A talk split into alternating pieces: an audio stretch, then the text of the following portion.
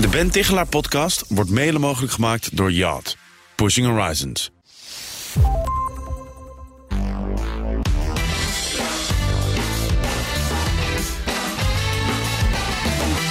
Inspiratie kun je overal opdoen. Daarom vraag ik de gasten van mijn podcast wat hun tip is. Welk boek, welke film, welke tentoonstelling of welk interview inspireerde hen? Vandaag stel ik die vraag aan Karsten de Dreu. Hij is hoogleraar psychologie aan de Universiteit Leiden en hoogleraar gedragseconomie aan de Universiteit van Amsterdam. En hij is gespecialiseerd in conflicten en conflictbemiddeling.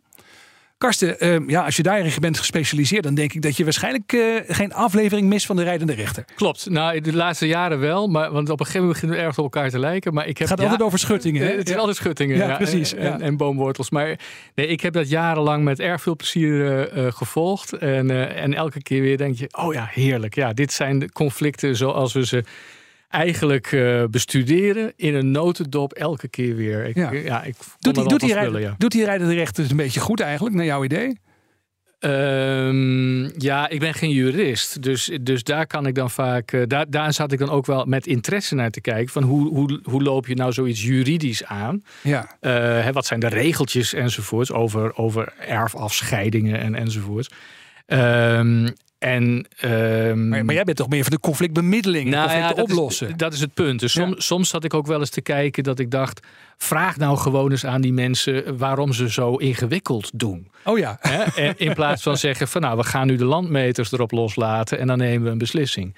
Maar misschien gebeurt dat ook wel en dat moet natuurlijk leuke tv zijn... Uh, maar, dat, maar, daar zat ik af en toe wel eens naar te kijken. Ik van, goh, zou je nou ook op een andere manier dan met, de, met het juridisch zwaard uh, hier een oplossing voor kunnen bedenken? En ik had het gevoel dat dat vaak wel, best wel kon, ja. ja. ja. leuk. Nou ja, maar ik, goed, ik sprak een beetje voor mijn beurt natuurlijk. Ik noemde de rijdende rechter. Maar wat zou je eigen mediatip zijn? Nou, ik heb uh, onlangs een boek gelezen van Harald Jena. Dat heet Aftermath. En dat is een boek dat gaat over, het is best wel een beetje zwaar. Uh, niet, niet een uh, na, namiddag uh, lezen, maar het is een boek dat gaat over de eerste jaren na de Tweede Wereldoorlog in Duitsland. Als ja. eigenlijk Duitsland echt natuurlijk kapot is, verslagen. en, dan zie je eigenlijk, en dan is de vraag van wat gebeurt er met die samenleving? En ik vind het een heel indrukwekkend boek, omdat ook al heb ik me 30 jaar bezig gehouden met conflicten en ook met de consequenties daarvan voor groepen, voor mensen, voor samenlevingen eigenlijk in dit boekje een, een, overzicht krijgt van op allerlei niveaus hoe, hoe samenleving eigenlijk reageert en probeert zichzelf weer opnieuw uit te vinden, ja. opnieuw te organiseren, eigenlijk weer te overleven en weer ja, vooruit te komen. En ik vond het echt heel interessant om te lezen. Het is heel rijk en uh, doorwrocht, uh, maar zeer, zeer informatief. Ja. ja, waarom is het zo'n goed boek?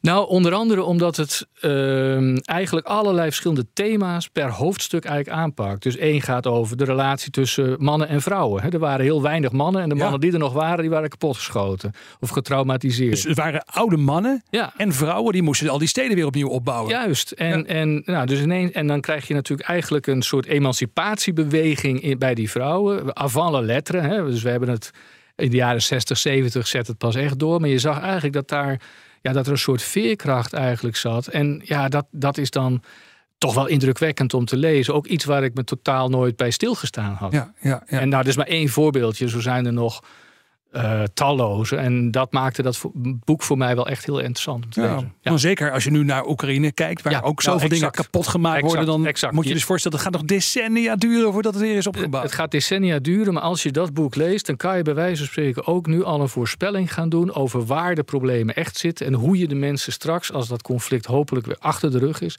kunt helpen om die samenleving op te bouwen. Waar zitten de werkelijke problemen? En dan moet je denken aan vluchtelingenstromen, mensen die uit van hu- huis en haard verdreven zijn, weer terug moeten komen.